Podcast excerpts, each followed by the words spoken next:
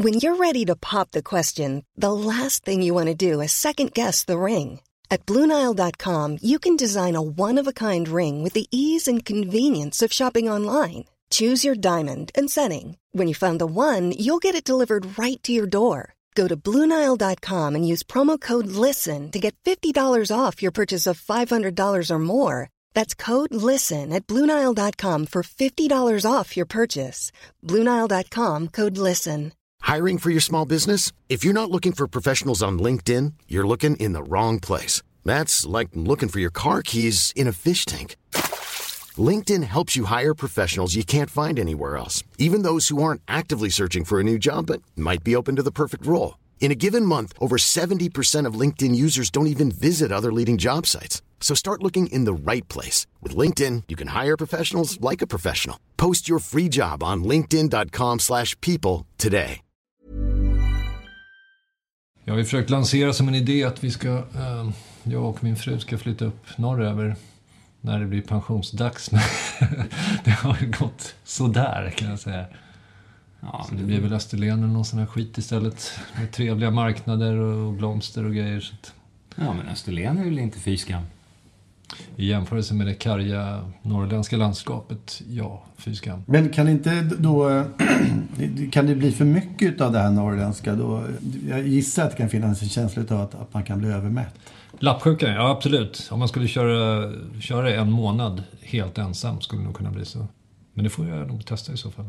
Sen är det tillbaka till storstaden och spämandet igen. Spämandet och latte och ja. krogarna och allt. Det drömlika. Ja. Som då framstår i all sin härlighet när man kommer tillbaka. Det är faktiskt... Exakt, det kanske är någon, ja. helt enkelt någon slags balans. Ja, men då blir man som någon slags Crocodile Dundee som är en referens som det är väldigt gammaldags. som slängs in i en eh, storstad på nytt här. Alla som inte visar respekt för Crocodile Dundee kan stänga av nu. Ja. Jag tycker vi gör så här att alla tittar på Crocodile Dundee 1 och 2 så går vi igenom båda de filmerna i nästa podd. Finns det en trea också eller? Det är klart att det gör. Fyran är ju liksom... Fyran är den bästa eller? Det, var så otroligt härligt. Jag, jag såg då, Sylvester Stallones glada ansikte, eller det är synd att säga glatt, men, men hans mörbultade ansikte dyka upp eh, på tv-kanalen häromdagen. Och han, han såg så jävla ung ut. Ni vet sådär som lite liksom småfet som, som, som man gör i ettan. Och efter en snabb kontroll med fjärrkontrollens infos så såg jag att, att det här var, det var Rocky 5 som gick. Ja, och jag tyckte han såg så otroligt ung, fräsch och härlig ut liksom. Då har man ju fullständigt serat. Jag tror att de är uppe i, i åttan eller så här. Ja. Men Rocky 5 gjordes väl också för, det var ju så 15 år ja, sedan. Det var 1990 kom på, den blankt. En om året alltså. nästan. Ja. ja. Bästa sly-film överlag. Tango Cash. ja, det är bra. Det är starkt. Ja, det är mycket starkt. Jag skulle hemskt gärna faktiskt eh, slänga in en önskan här som en liten parentes i den här podcasten. Att, att, att när du nämner Crocodile Dundee som en, eh, som en ålderdomlig referens så, så tycker jag det skulle vara otroligt härligt om vi bara överlag kunde släppa allt det här som är så vanligt med podcasts. Att, att det ska liksom spanas nya saker och man ska hänga med. Och man ska liksom eh, vara en person som, som presenterar eh, fräscha idéer från andra sidan Atlanten och sådär.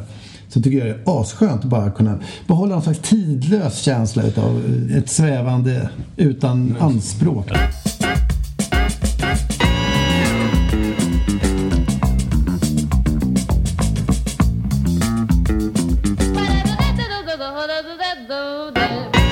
Just det, podd avsnitt nummer fyra är i rullning. Eh, ja, jag, jag står spänd av förväntan inför eh, det här avsnittet som ska ta oss ända till vad jag har förstått eh, saker, ända till medeltiden. Eftersom jag ser det som mänsklighetens storhetstid och att allting bara gått ut för sen dess så eh, kan jag tycka det var trevligt att knyta an lite till denna gyllene era. Just det. Då hade vi ju tveklöst varit först med hiphop om vi hade gjort det på medeltiden. Onekligen. Mm. Men frågan är vilka instrument vi hade fått jobba med. Skalmeja och stenar. Jag har faktiskt forskat och det visar sig att ett av de mest frekvent förekommande instrument på medeltiden var säckpipa. Det är sant. Mm. En klassiker. De ja. skotska högländerna kräver ju säckpipans närvaro och jag har ju säckpipesången i blodet. Ni vet att när man firar högtider med mig så förekommer ofta en säckpipa. Ja, allt som oftast kommer en kiltbärande figur springande. Mm. Men det är Eh, ditt ju skotsk, trevligt. skotska blod som talar. Det är mitt skotska blod som talar och det det gör mig även också till nysvensk faktiskt på ett rätt härligt sätt. Att jag kan alltid hänvisa till, mina, till min sk- skotska bakgrund. Mm. Det är ju väldigt roligt rent kulturellt måste jag säga att det är ju alltid roligt att presentera en kultur. Det är det som kan, jag kan till när man är sådär ultra liksom då svensk bakåt som jag verkar vara då. Så finns det ju inte så mycket nytt man kan presentera. Jag menar, vad ska det vara liksom?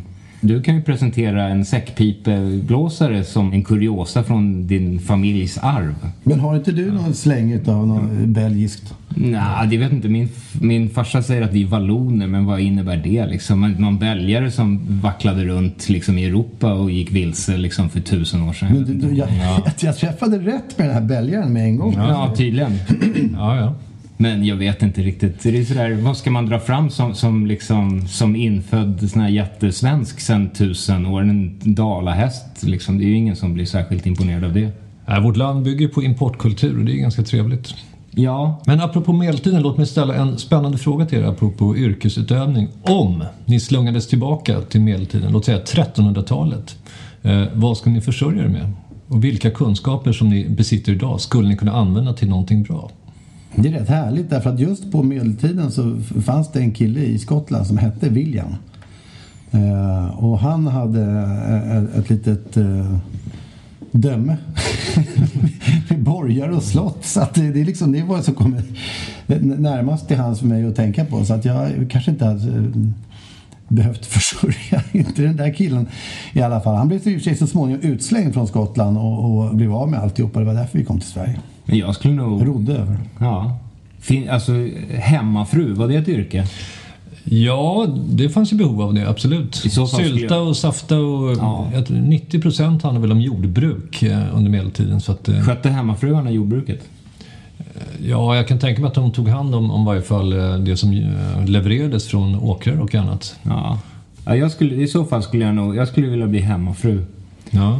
Och Gå liksom hemma, sylta, safta, lyssna på lite säckpipa, ta en kopp kaffe. Kanske man inte gjorde på den Kaffet tiden. fanns inte. Fanns det? Nej, fasiken. Vad drack man? Brännvin och Ja, det är ännu bättre. Säckpipa, brännvin och sylta och safta. Är det ett liv som lockar? Ja, faktiskt. Verkligen måste jag säga. Nej, han hade väl varit narr som vanligt.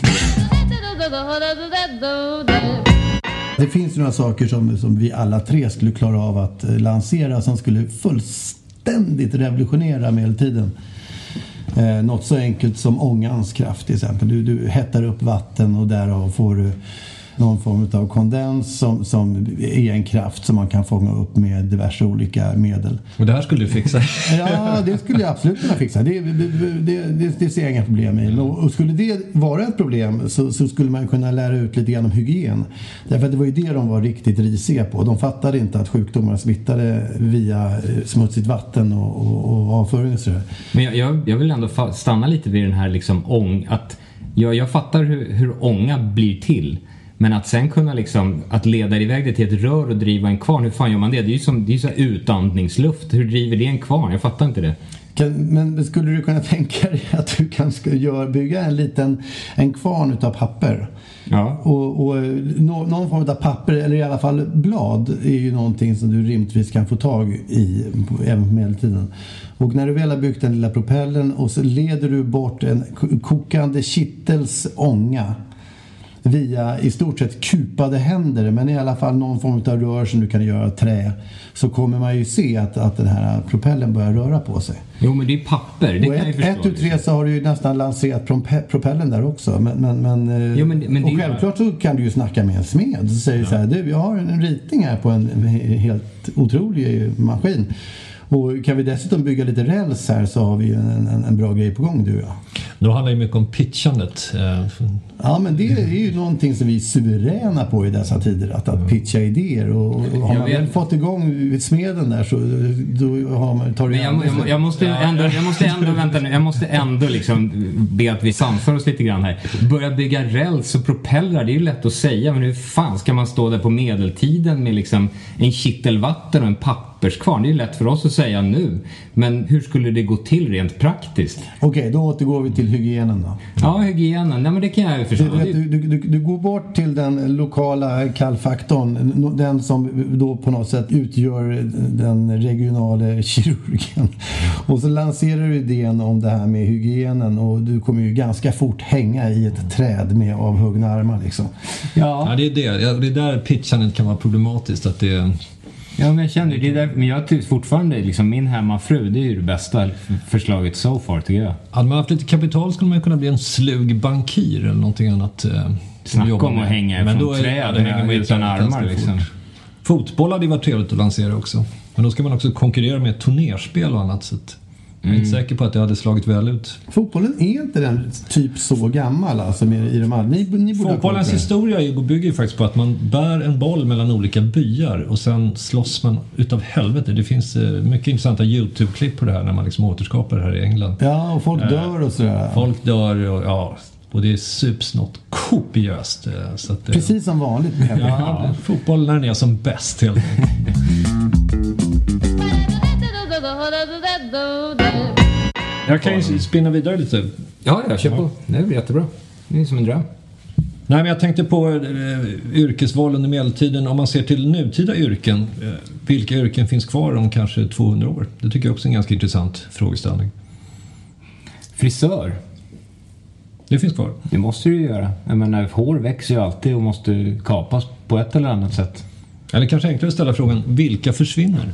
Skrivmaskinsreparatör. Ja, jag står och tänker på det här nu och, och, och men man ser ju butiker till exempel håller på att försvinna. Det, är, det, det, där kommer vi ju ångra oss får jag en känsla av om, om 20 år när allting köps på nätet. För det är ju asskönt att få saker hemskickade men det hajar ju alla att då, då kommer ju butikerna vara tvungna att slå igen. Och då blir det lite boring på gatorna. Ja, jag älskar butiker och jag älskar också restauranger som går dåligt. När du öppnar restauranger i Vasastan som det har glest med folk brukar jag gå dit och försöka stödköpa för att hålla dem glada. de är jätteentusiastiska och så är det inte en käft där. I två veckor så är det helt tomt. Och sen så blir det bara pannkaka av allting. Det är väldigt sorgligt. Eh, man måste ju försöka hjälpa med det lilla man kan. Och sen är det ju trevligt med butiker, absolut. Gillar det. Restaurangen har ju kärvt. Vi skulle ju kunna gå in på något politiskt tema här men jag hoppar över det tills vidare. Nej, låt spela upp. Låt nu, så, nu kanske vi har en, äntligen en brännande konflikt. uh, nej, alltså vi har ju faktiskt en restaurang i familjen och har alltid haft. Uh, min syster har haft restaurang och just nu har min brorsa en krog. Så att jag vet ju hur, hur bökigt det är att få det där gå runt. Och det är ju beklämmande liksom. Mm. Det, är ju, det är en tuff bransch och, och, jag vet inte hur de ska lösa det. Det finns väl vissa som önskar att det skulle vara lite enklare att driva egna företag på det sättet. Det är väl egentligen ingen emot tror jag. Det bara får det att flowa och funka. Jag hade en kort period som kock faktiskt. Och då var det också de där reglerna som finns för allting det är ju en mardröm. Liksom, om inte handfatet finns 11 centimeter exakt från spisen då rivs stället och ägaren förs till stadsgränsen och skjuts med nackskott. Medeltida stämning med ja. Det kan jag ju tycka är lite alltså, sådana där grejer. medeltiden fortfarande. Ja, för jag känner när jag har käkat i Bangkok då har de en hink med rå kyckling som står på trottoaren i 50 graders solsken och råttor som springer runt. Där blir man ju aldrig magsjuk. Ja, ja, det är bara bra med lite miljöbakterier. det är ju problemet om man vill ha en övergripande löpande liksom eh, storebrors koll på allting så då blir det de där eh, handfaten som ska vara sju centimeter ifrån. Jag tror att alla människor känner sig väldigt, väldigt blandade inför det där och jag, kan hata att det ska då slussas in i något slags tänk om olika politiska partier. Därför att det sätter käppar i hjulen för frågorna. Återigen är det så polariserat. Det är så här, antingen ska man ta bort alla, det är så här total libertarianism där ingenting ska finnas. Eller att det ska vara totalstyrt liksom. Jag känner någon balans. För att jag skiter i huruvida handfatet sitter 7 cm ifrån spisen eller inte. Däremot vill jag inte gå på en restaurang och bli serverad gift när jag beställt en gin och tonic. Så att liksom viss, viss form av kontroll är ju väldigt bra. Annan form av kontroll inte bra. Det handlar ju bara om en balans. Liksom. Är det den gamla parollen frihet under ansvar som är under uppsegling nu? Ja, Var det Boman det... som gjorde det? Nej, jag vet inte, men det låter väl bra. Är, det, är det hiphopens Bert Karlsson som är ute och Jag kan faktiskt tycka att oavsett partitillhörighet kan man inte ha någonting emot den parollen frihet under ansvar.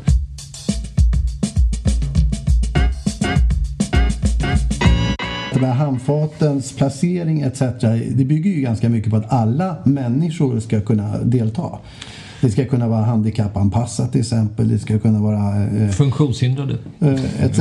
Alltså det, det, det, allting måste funka för alla utifrån den idén. Och den är ju väldigt fin. Ja. Och, och någonstans så faller den ju tvär på sin egen orimlighet därför att eh, då blir det ju ett, ett kontroll samhälle som, som, som fullständigt går överstyr. Det är därför det inte byggs några bostäder heller. För det, det är sån otrolig kontroll över att allting ska vara anpassat för alla.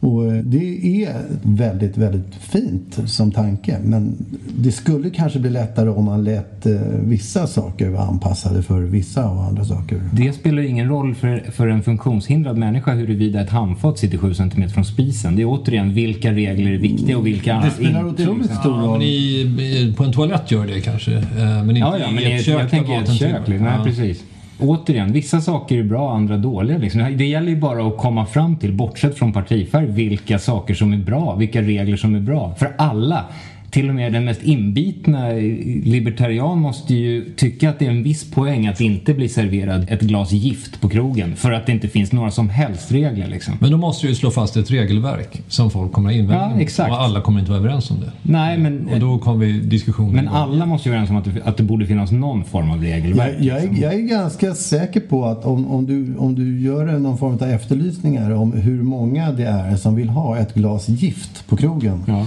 så kommer du ändå få några intresserade.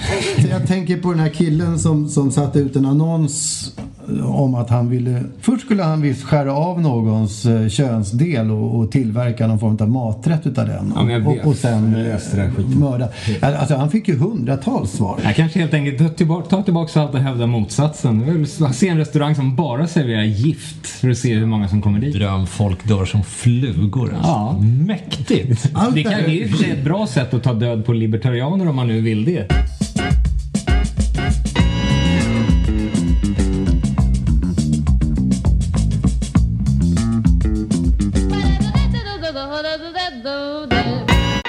Låt oss dra ett realistiskt tankeexperiment bara. Mm. Eh, ni har en väldigt god vän som eh, flyttar till eh, Australien. Och eh, utav olika anledningar så kommer ni aldrig iväg till Australien. Det är ganska rimligt att tänka sig att man faktiskt inte gör det. Men ni har en väldigt eh, nära kontakt på eh, Facebook. Mm. Och den här vännen går faktiskt bort. Men borta i Australien, i den här lilla byn där de bor, så bestämmer de sig för att nej, men vi låter honom, han har så många vänner utomlands. Så vi låter honom fortsätta leva på Facebook. Mm. Och ni har ett val här. Skulle ni vilja veta att han dog? Eller skulle ni eh, föredra att eh, leva vidare, kanske resten av livet i okunskap och bara få breven som vanligt och alla hej och hoppsan och ja, allt det som en dröm? I och med att jag är, liksom, jag är inte så förtjust i sociala kontakter överlag så jag skulle nog liksom bara tycka att det var skönt att veta att han var död. Man slipper ja. liksom hålla på och tjafsa. Liksom. Vi skulle klippt kontakten med den där vännen redan från början. ja, förmodligen. Eller så lite glad när han dog. Ja, ja då går vi över till Peder som ja. möjligtvis har en mer social Nej, men det där är intressant. Jag, du, jag har faktiskt varit med om det när min eh, pappa dog. Ehm, så, eh, vilket typ, han dog i ganska tidig ålder. Eh, bara vi ett par år senare stötte på en kollega eh, till honom som glatt kom fram. Ja, tjena hur är läget? Och hur är det med Gunnar? Ehm, och då eh, hade han, pappa levt i två år för honom. Varav sen jag var då tvungen att berätta den eh, jobbiga sanningen och eh, plötsligt det. Men, Men då hade han fått två års levnad till i den personens medvetande. Ehm. Facebook ingår ju numera i den här begravningsritualen. Alltså, mm. Du får reda på att någon eh, eller när någon anhörig i familjen som går bort så då är det ju din plikt att kasta det över Facebook. Och de här Facebook-åtgärderna sker oftast inom några timmar. För att det är, det, det är sån stor kontaktyta mot omvärlden. Så att det där är folk extremt... Man känner ju att någonstans är det sista man vill tänka på är det fan Facebook i ett sånt läge. Men det är lite grann som när du träffar din pappas vän där. Att du har ju en, en du skulle ju visserligen kunna ge honom två år till kanske. Mm. Utav den här ovissheten och, och därmed också någon form av eh, glädje. Eh, men det är ju din plikt, känner du, att du måste säga det här. Och, och om inte annat så blir konsekvenserna lite jobbiga om, om, du, om du ljuger för honom och han sen får reda på det. Så att det, det, den här glädjen han får ytterligare två år kanske inte väger upp. Nej, jag tror det hade varit lite awkward minst sagt att, Ja. att hålla det. Men eh, tankeexperimentet är ju fint och, och bjuda på några års levnad till. Å andra sidan hade de inte hörts på så länge så att eh, tankar kring eh, min pappa då kanske inte var så frekvent hos honom just. Men, Nej. Nej, Det där är ju faktiskt det är otroligt kul med den där killen i Australien som lever vidare på Facebook. Därför att det påminner om något som jag hörde häromdagen. Att, att, att de här... eh, De, hittat, de har hittat nu en röd tråd eh, mellan eh, folk som eh, i vissa områden där de lever jävligt länge. Men Jag har hört det där, man äter yoghurt och så blir man Ja, det är alltid 100 någon, det är greker och det är ryssar och det är... 25 år, liksom. Ja. och, och alla de här människorna, utan någon skön anledning så bor de väldigt sällan i, i innerstan och, och, och har en tät social liksom, cirkel. Därför att det, det som då är, är den röda tråden mellan de här det är att de bor extremt avlägset i små byar. Och Gemensamt för de här byarna har visat sig vara att de har ett pensionssystem i det landet som gör att eh, pensionen betalas ut till de anhöriga. Mm-hmm. Och då kanske de anhöriga inte är så sugna på att eh, liksom kontakta eh, innerstadsområdena och, och berätta att farmor eller farfar är död. Utan så länge pengarna rullar på så kan ju de här personerna fortsätta. Du menar att alla de, här, alla de här farbröderna som är på så här grekisk yoghurt, det är bluff? Ja, Ja. exakt. De är egentligen 16 år.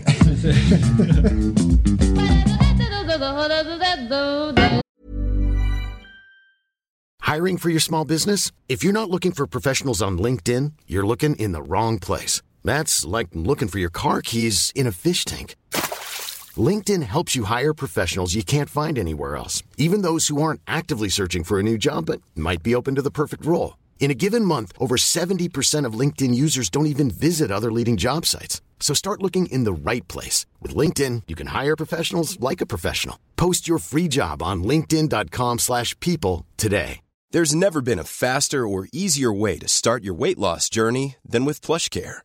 PlushCare accepts most insurance plans and gives you online access to board-certified physicians who can prescribe FDA-approved weight loss medications like Wigovi and Zepbound for those who qualify. Take charge of your health and speak with a board-certified physician about a weight loss plan that's right for you. Get started today at plushcare.com slash weight loss. That's plushcare.com slash weight loss. plushcare.com slash weight loss. Burrow's furniture is built for the way you live. From ensuring easy assembly and disassembly to honoring highly requested new colors for their award-winning seating, they always have their customers in mind. Their modular seating is made out of durable materials to last and grow with you. And with Burrow, you always get fast, free shipping. Get up to 60% off during Burrow's Memorial Day sale at burrow.com slash ACAST. That's burrow.com slash ACAST. burrow.com slash ACAST.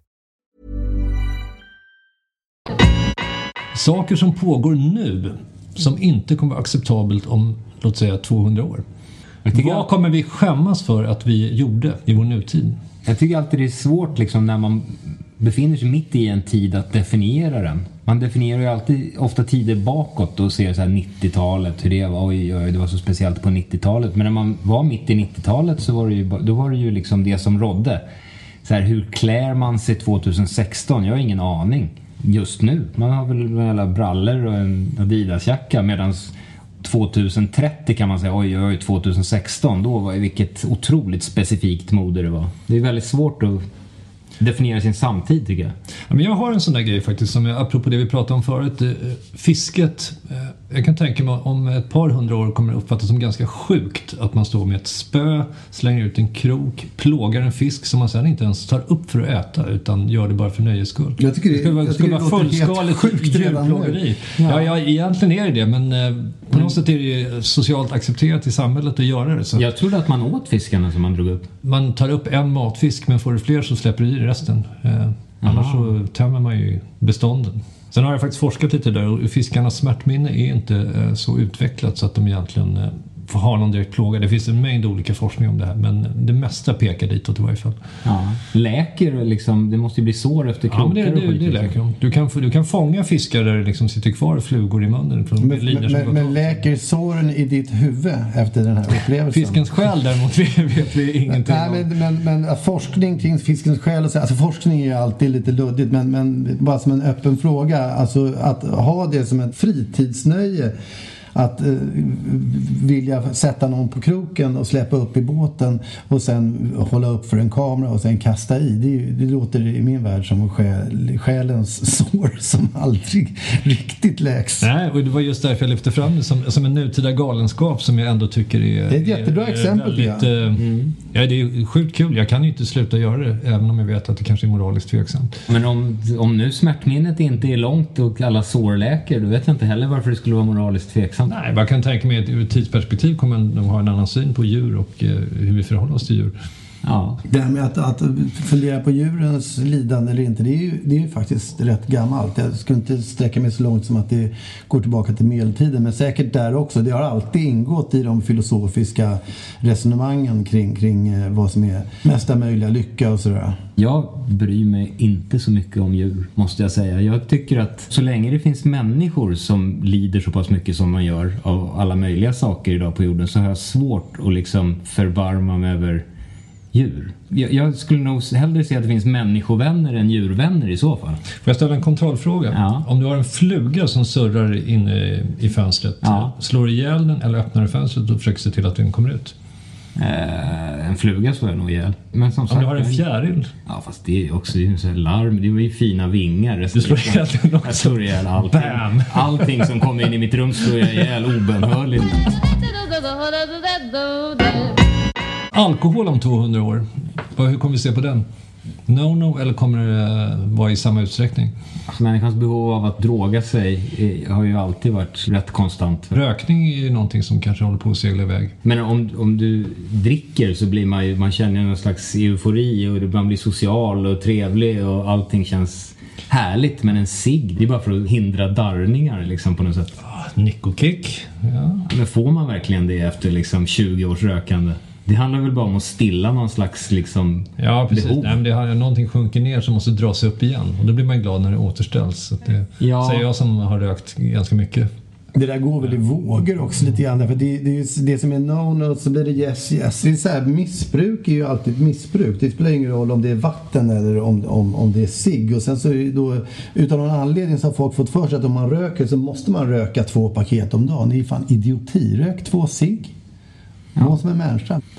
Ja, Detta var ett inslag från Marlboro. The filter cigarette with the unfiltered taste. En sån där no-no-grej som jag tror kommer bli nästa stora eventuellt kan ju vara det här som, som jag i alla fall uppfattade som fullständigt naturligt när jag växte upp. Det, det fanns omkring mig på alla tänkbara sätt hos vänner och i min egen familj.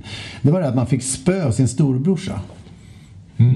Det var ju liksom en, en, en naturlig del utav tillvaron att de här killarna i största allmänhet som var en, två, tre år äldre än en andra, alltså kompisars storebrorsor. Alla storebrorsor överhuvudtaget var som de lite farligare rovdjuren på savannen som man var tvungen att orientera sig undan under dagarna.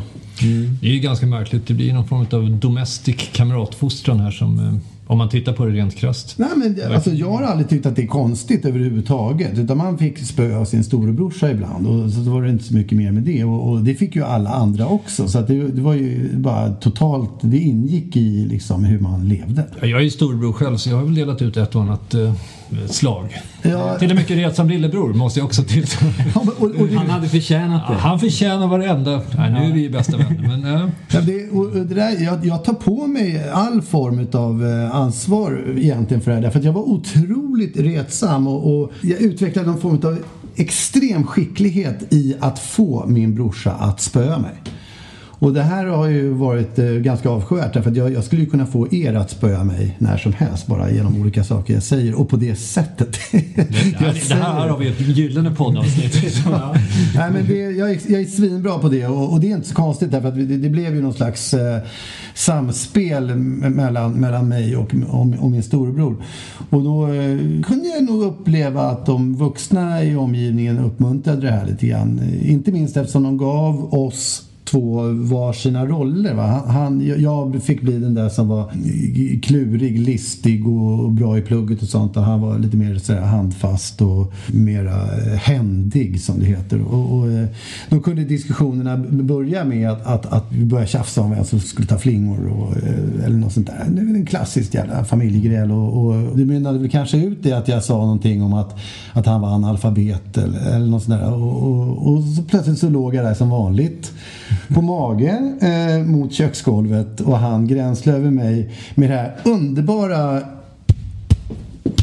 Ah, stå på sidan? Ja, det där liksom, Ja, sköna resonansen i kroppen med en dunkande näve mot, Ja, mot dubbla baskaggar på en man kan säga att jag växte upp lite grann till kompet utav de där knytnävarna mot, mot min kropp. Ja, njurslagen helt enkelt. Och, och ska man vara allvarlig så, så är det klart att jag, jag kan ju se en sån här insidan följetong i DN om, om, om eh, storebrorsmisshandel skulle man plötsligt kunna benämna det som. Och, och då, då tror jag en väldig massa som vaknar där ute i eh, och, re, och Det kan, det kan retroaktivt. bli domstolsärenden och, och Ja, kränkningar. det, jag och, tror att vi, kommer, vi har det framför oss Ja. eh, på, på olika plan. Det är ju någon form av penalism som gror liksom i alla former av syskonförhållande på ett eller annat sätt. Jag, hade ju, jag var ju sju år äldre än min halvsyrra.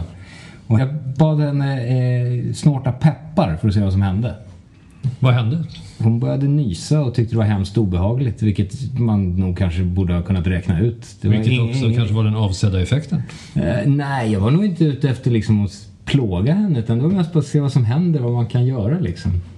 Det är fruktansvärt så här i efterskott. Det går emot alla, alla former utav moral och, och vett mot hur man beter sig mot varandra. Men det, det är någonting med bara i den åldern liksom.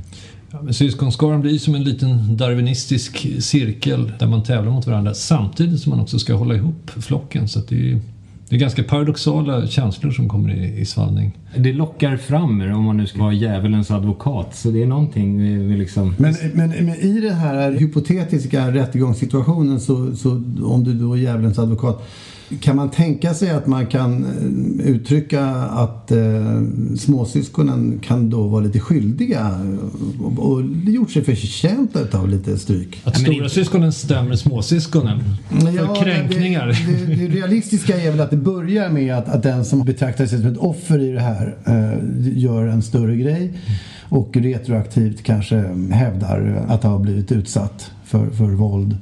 Men då måste ju försvaret eventuellt kunna utveckla sig till att, att småsyskonen triggade fram det här. Men det där är ju lite skillnad tyvärr på det som du säger. Du, du utvecklade ju ändå någon slags sätt att provocera honom för att det blev någon slags balans, maktspel mellan er. Medan jag inte har något som helst försvar för mitt beteende. Det är ju bara sådär som barn liksom. Att Du man... börjar både slog och retade. Nej, nej, nej, jag har aldrig slagit någon överhuvudtaget. Det är inte det, utan det är mer liksom Men där, där test, tror jag... testa gränser Där tror jag också domstolen kommer vara mycket förstående. Därför att, att eh, förmå någon att snorta peppar eh, är ju ett tämligen ringa brott. Ja, och, och till mitt försvar var jag tio år. kanske, jämfört, med, eh, jämfört med misshandel.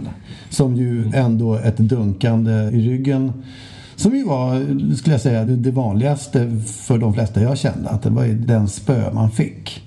Om, om du sliter ner någon på, på Stureplan och, och, och börjar boxa den personen i ryggen. Så tror jag att, att det finns en viss risk att du hamnar i fängelse. Det är svårt Det att skoja man. bort det. det är Ja. faktiskt, Dryga dagsböter Särskilt om det är en mindre person som inte riktigt kan försvara sig. Och då tror inte jag att, den, att, den, att, att det här med att äh, men han triggade fram eller eh, provocerade fram detta beteende för mig. Jag tror inte det håller. Nej, Det gör det inte. Eh, Då åker man nog dit på det. Nu, nu har ju det här upphört och jag skulle bli otroligt förvånad om, om det här. Jag skulle bli jättearg om det skedde med mina egna barn. Eh, Jag sätter stopp för det. Alltså, det, det existerar inte ens överhuvudtaget i, i, i, i någon form av verklighetsuppfattning för mig att det där skulle ske. Men jag minns ändå 1975 när jag var nio år så var det liksom Men vad är det som har förändrats? standard. standard. Men är det tiden som har förändrats då? För det är ändå rätt... Verkligen. Det Absolut. måste det ju vara. För det Ja. finns ju ingenting annat. Alltså själva relationen mellan syskon är ju densamma. Ja, verkligen. Ja, Ja, det- men vi har ju fått bukt på alla, alla handa beteenden. Liksom. Misshandel överhuvudtaget ses ju mycket allvarligare idag. Ja. Och, och sexuella övergrepp och, och alltihopa. Liksom. Det, jag tycker lustigt nog, jag skulle aldrig anmäla min egen bror för något sånt här. eh, Men jag måste ändå medge att vi har lite svårt att prata om det. Och han skulle nog bagatellisera det och hans version är säkert annorlunda från min. Men jag kan tänka mig att det finns många där ute som, som kan skrapa fram eh, sin uppväxt eh, utifrån ett lidande perspektiv med det här inslaget. Mycket, mycket säkert. Men det har upphört i varje fall. Det är ingenting som sker nu i nutida sammanhang. Ge mig några möjligheter att provocera lite så, så är vi snart där igen. Nej, men, eh, jag har fortfarande en otrolig respekt för min storbror. Jag, jag, jag skulle aldrig på något vis eh, våga eh, ta med ton egentligen. Sådär. Är det inte det liksom man vill när man ställer sig och klappar på någon med, med njurslag? Att man liksom vill kväsa den personens mopsighet mot den? Det, det, är väl liksom, det känns ju som att han har uppnått sitt mål. Vi talar ju om en, en, en fjärran forntid så att det, jag, vill- jag vill ogärna släppa in honom i detta beteende idag. Det, det är en, en högst eh, icke våldsam person. Men, Ja, icke, men- icke desto mindre så har han en, en auktoritär, eh, vad ska man kalla det för, lite macho liksom. Ja, men såna- och, och sånt gillar ju folk. Det, det, det är ju... eh, Ja, ja. Ja men det, det grundlade sig väl då? Det är det jag menar. Dina sägningar om honom nu grundlade sig ju redan i den åldern. Och på, skulle jag säga medelst njurslag. Grunden är ju satt då. ja. Då kanske man skapar sitt övertag. eh, Ja, såklart. Det är ju ändå så här att om jag, om jag skulle dra i, i trådarna här lite grann så som varandes då ett offer i den här diskussionen. Då kan jag faktiskt börja grubbla över det och börja grina och sådär. För att jag, jag, det, det kommer fram så mycket känslor. Och någonstans i en så bor ju det här äh, lilla barnet kvar. Och eh, när man, när man tänker på hur otroligt utsatt man har varit och, och kanske egentligen extra sorgligt att man räknade det som så naturligt. Att det var en del av livet. Och jag bara tänker på om du upplevt motsvarande situation fast som storebror. Och då är det ju nästan värre när man tänker tillbaka på situationer där man har varit förövare mm. än, än tvärtom. Att, att det måste ju ändå vara någonting som, som, som även du kan bära med dig som en sorg. Ja, men jag måste säga att det, det fanns ju inget sånt att jag satt utan det var oftast med eh, min lillebror Marcus då som sprang runt och eh, kallade mig för Petersburg på ett mycket irriterande sätt. Var jag till slut tröttnade han sagt det 20 gånger. Ger ett slag på armen, sen är det lugnt ett tag, sen börjar det om igen. Eh, Så det var inga långa eh, misshandelsserier eller någonting sånt utan eh, armslag helt enkelt. Det, Ett åt gången. det, berömda armslaget på eh, överarmen. Ja, helt på överarmen. Ja, de, de är ju fruktansvärda. Ja, och det kan jag säkert. Men låt mig säga så här. Det började aldrig med ett armslag utan det började med en, eh, ett påkallande utav eh, mig och eh, Just det. Peters. Det började med Peters. Petersburg. Och sen så, ja, Men fick, det någon, fick armslaget någon effekt? Tillfällig. Och sen så tog det ebbade ut liksom med Nej, tiden. men sen, alltså, det var i perioder. Sen så har vi gjort hur mycket annat som helst. Men det, kom, det gick i små skov här och där liksom. Där det var, Ja. Det, det är ju, jag tror att överhuvudtaget för svenska befolkningen, i synnerhet den manliga som, som har vuxit upp i det här, tror jag att man eh, eh, alltid ser på det som så att det var väl inte, det var väl en del av uppväxten, inte så jävla märkvärdigt liksom.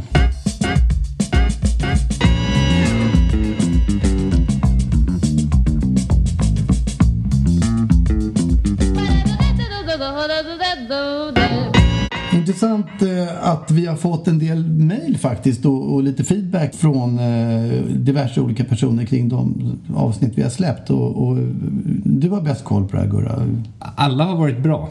Det var en där som, som, som sa att om man inte känner till just det eller så är bevandrad i gruppen just det så är det väldigt tunt och tråkigt att lyssna på. Ja, ja, det, det, där, vad kan vi göra åt det? det slog mig att eftersom att få bra feedback, att och det här är toppen och det här är härligt, det är ju, det är ju härligt. Men, men egentligen mest konstruktivt faktiskt att få det som man då eventuellt kan förbättra. Och, eh, om det var då någon som uttryckte sig på det sättet att det kanske var lite, eh, vad ska man säga, lite internt rent av introvert. Så, så skulle man ju kunna eh, använda det som någonting spännande. Så jag, jag tycker vi borde göra någon form av ordlista. Vi kanske ska lägga ut den på på hemsida eller någonting där vi, där vi ger lite närmare förklaringar kring, kring, kring vissa interna sägningar. Eller Just någon... det, slangopedia helt enkelt. Ja, för, verkligen. Alltså, något sånt. Det, Men att komma in i en värld är ju egentligen mer spännande än att bli utestängd från den. Ja, samtidigt kan jag tycka liksom att det är tråkigt om det ska vara för fakta och alla ska känna igen sig sådär. Lite internt måste det få vara. Men Samtidigt, jag tror också att det största problemet som man vänder sig mot var nog själva att man måste nog ha en bak, bakgrundskunskap och ett intresse för, för gruppen just det. Det var kanske inte våran, eh, våran jargong så mycket utan just liksom... Hej, vi spelar in en podcast här tänkte vi. Vi spelar in en podcast. Ja, vi spelar in ett radioprogram. Så att, ja. Jag trodde det var de här som skulle besikta. Jaha, när skulle de komma hit? Den var stängd. Jaha, okej. Som Jättebra. När jag tänkte efter dörren var stängd så gick jag den vägen. Jaha. Jag ska till mitt kontor. Ja, just det. Men, men medan du är här så kanske vi kan passa på att fråga dig. Känner du till Crocodile Dundee? Ah, inte mycket. Vadå, hur ska jag känna igen? Nej, vi pratade just om huruvida folk kände till Crocodile Dundee eller Ja, det, det gör jag ju. Ja, Själva filmen, ja. ja. Du har sett den? Ja, Hur, vad tyckte du om den? ja jag kommer inte ihåg. Det var ju länge sedan. Ja. Ja, men då är det bra att vi, att vi nämner Crocodile här i, i podden igen. Så att Ja, han, du har i alla fall klätt efter vädret. Det var så varmt ute igår. ja, det är fantastiskt. Alltså det går ju så fort. Ena dagen är det svinkallt och sen andra dagen varmt. Man vet inte vad man ska ta på sig. ja, det är förrädiskt. Minst sagt. Okej, Ja, vi ses. ja, ja bra. Tack så mycket. Men jag tycker vi kan väl avsluta med, med den här... Verkligen. Därmed så avslutar Podda, podda podd.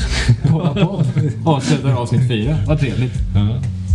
Thank you for being with us. Vill ni skicka mail till oss så går ni in på justd.nu. Där finns även länkar till Instagram, Facebook och Twitter.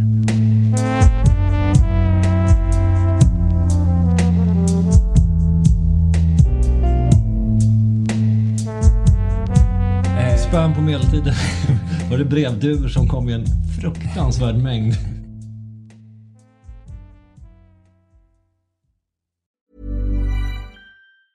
Planning for your next trip? Elevate your travel style with Quince. Quince has all the jet setting essentials you'll want for your next getaway, like European linen, premium luggage options, buttery soft Italian leather bags, and so much more. And is all priced at 50 to 80% less than similar brands. Plus, Quince only works with factories that use safe and ethical manufacturing practices. Pack your bags with high-quality essentials you'll be wearing for vacations to come with Quince. Go to quince.com slash pack for free shipping and 365-day returns. Hey, it's Paige DeSorbo from Giggly Squad. High quality fashion without the price tag. Say hello to Quince. I'm snagging high-end essentials like cozy cashmere sweaters, sleek leather jackets, fine jewelry, and so much more. With Quince being 50 to 80% less than similar brands. And they partner with factories that prioritize safe, ethical, and responsible manufacturing. I love that. Luxury quality within reach. Go to quince.com slash style to get free shipping and 365 day returns on your next order. Quince.com slash style.